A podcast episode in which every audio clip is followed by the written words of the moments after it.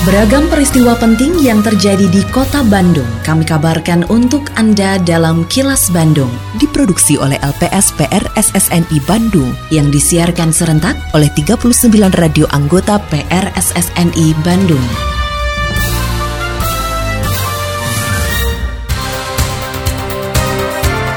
Sejumlah informasi aktual kami hadirkan untuk Anda dan inilah informasi utamanya. Hanggar Magot ditargetkan mengolah satu ton sampah organik per hari.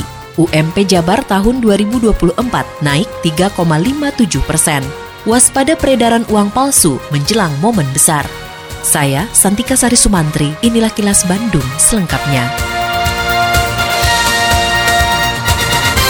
Dalam upaya mengatasi persoalan sampah, pemerintah Kota Bandung berupaya mengolah sampah organik di kewilayahan antara lain dengan metode budidaya magot. Sekretaris Daerah Kota Bandung Emma Sumarna mengatakan budidaya dilakukan dengan menyiapkan hanggar budidaya magot di 151 kelurahan di Kota Bandung. Hanggar magot ditargetkan dapat mengolah satu ton sampah organik per hari di satu kelurahan. Selain hanggar magot, pemerintah Kota Bandung juga menyiapkan tempat pengolahan sampah di Gede Bage beserta 10 mesin gibrik mini, pembuatan kompos dan budidaya magot. Menurut Emma, sarana yang diharapkan beroperasi pada November mendatang tersebut dapat mengelola lebih dari 38 ton sampah per hari. Sambil kita nanti melihat progres magotisasi di setiap kelurahan. Nah, barusan saya melihat di kelurahan yang menurut saya itu sangat logis, sangat terukur, yaitu di Rancabolang. Di Rancabolang itu sampah organiknya satu kelurahan itu sudah selesai di sana. Jadi semua itu dijadikan magot ya. Jadi itu menyelesaikan sampah yang organik. Dan saya tanya itu satu kelurahan 12 RW. Nah kemudian nanti di susu Rancanumpang, mudah-mudahan dengan Cisaran Kidul. Dan saya uji tadi di RW-RW memang tidak ada tumpukan sampah. Jadi semua udah selesai di sana.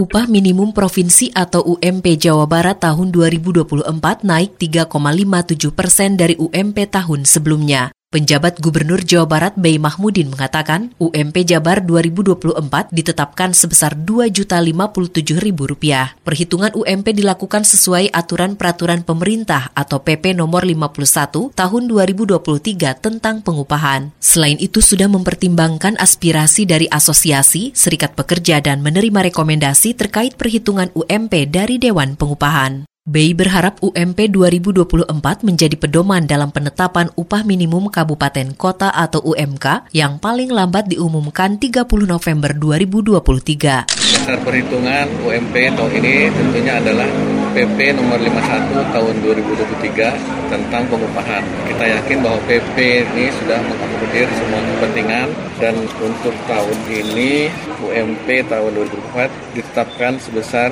2 juta 57 rp rupiah naik sebesar 3,57 persen. Dan untuk upah kabupaten kota akan ditetapkan tanggal 30 November dan tentunya akan ada kenaikan dibandingkan tahun Majelis Ulama Indonesia atau MUI Jawa Barat menyerukan negara-negara Arab untuk bersatu dalam upaya menyelesaikan masalah kemelut di Palestina dan mendesak PBB menghentikan agresi Israel. Sekretaris Umum MUI Jawa Barat Rafani Ahyar mengatakan, selama negara-negara Arab tidak bersatu dan PBB berdiam diri, kemelut kemanusiaan di Palestina akan terus terjadi. Selain itu, fraksi-fraksi yang ada di Palestina juga diharapkan bersatu untuk menghentikan konflik di negara tersebut. Sedangkan langkah konkret yang bisa dilakukan masyarakat Jawa Barat, Rafani mengimbau penggalangan dana serentak yang dikoordinasikan oleh MUI dan kantor Kementerian Agama di wilayah masing-masing untuk membantu rakyat Palestina. Tidak terbatas sepanjang ya tragedi kemanusiaan itu masih berlangsung gitu ya. Kami kami juga mendesak agar supaya ini segera dihentikan pembantaian ini gitu ya. Dan eh, kami juga meminta negara-negara Islam di kawasan Timur Tengah itu ber bersatulah gitu ya membela Palestina termasuk faksi-faksi yang ada di Palestina sendiri Insya Allah kalau demikian tuh e, bisa ya bisa dihentikan itu tapi selama ini tidak terus saja ya pembantaian dilakukan oleh Israel kan akan terus begitu ya jadi bisa dibayangkanlah penderitaan saudara-saudara kita di Palestina itu kini audio podcast siaran Kilas Bandung dan berbagai informasi menarik lainnya bisa Anda akses di laman kilasbandungnews.com.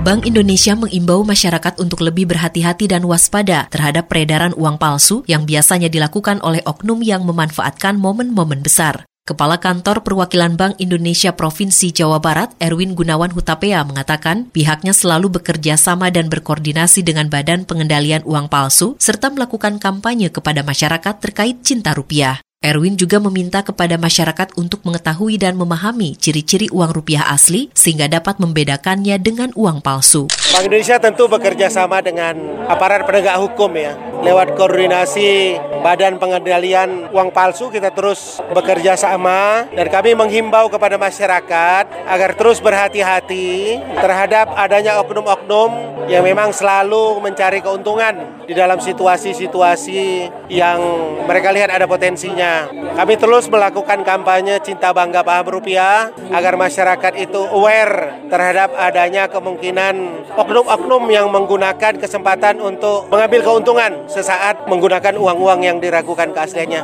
Tentunya kalau masyarakat memahami ciri-ciri keaslian uang rupiah ya dengan diraba, diterawang, mudah-mudahan masyarakat bisa terhindar dari Otoritas Jasa Keuangan atau OJK Kantor Regional 2 Jawa Barat mencatat jumlah rekening dan besaran pinjaman online atau pinjol legal di Jawa Barat mencapai 53 triliun rupiah. Kepala OJK Jabar Indarto Budi Witono mengakui keberadaan pinjol sangat dibutuhkan oleh masyarakat yang memerlukan dana cepat dan mudah. Namun tidak sedikit masyarakat yang meminjam dana melalui pinjol untuk memenuhi kebutuhan gaya hidup dibanding keperluan yang sifatnya produktif. Indarto mengimbau masyarakat yang tertarik meminjam ke pinjol agar selalu memperhatikan perusahaan pinjol legal, terdaftar dan berizin di OJK, serta menggunakan dana sesuai dengan kebutuhan dan kemampuan. Kemudian lunasi dan bayar cicilan sesuai kesepakatan juga tepat waktu.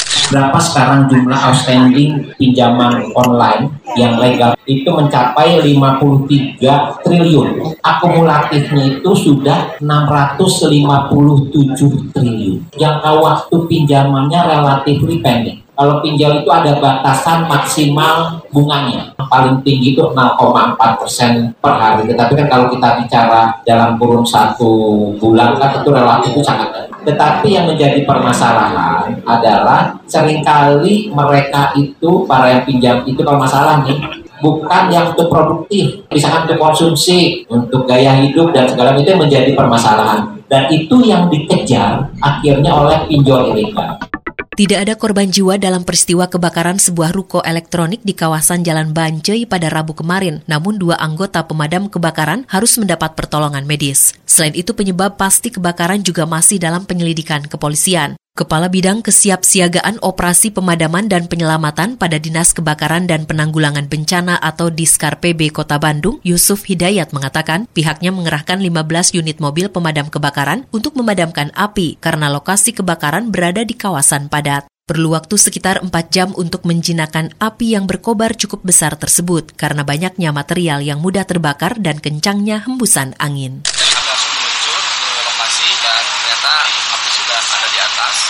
Kita membagi anggota memadamkan ya, sampai memakai mobil snorkel terus memadamkan di Terima kasih Anda telah menyimak kilas Bandung yang diproduksi oleh LPSPR SSNI Bandung.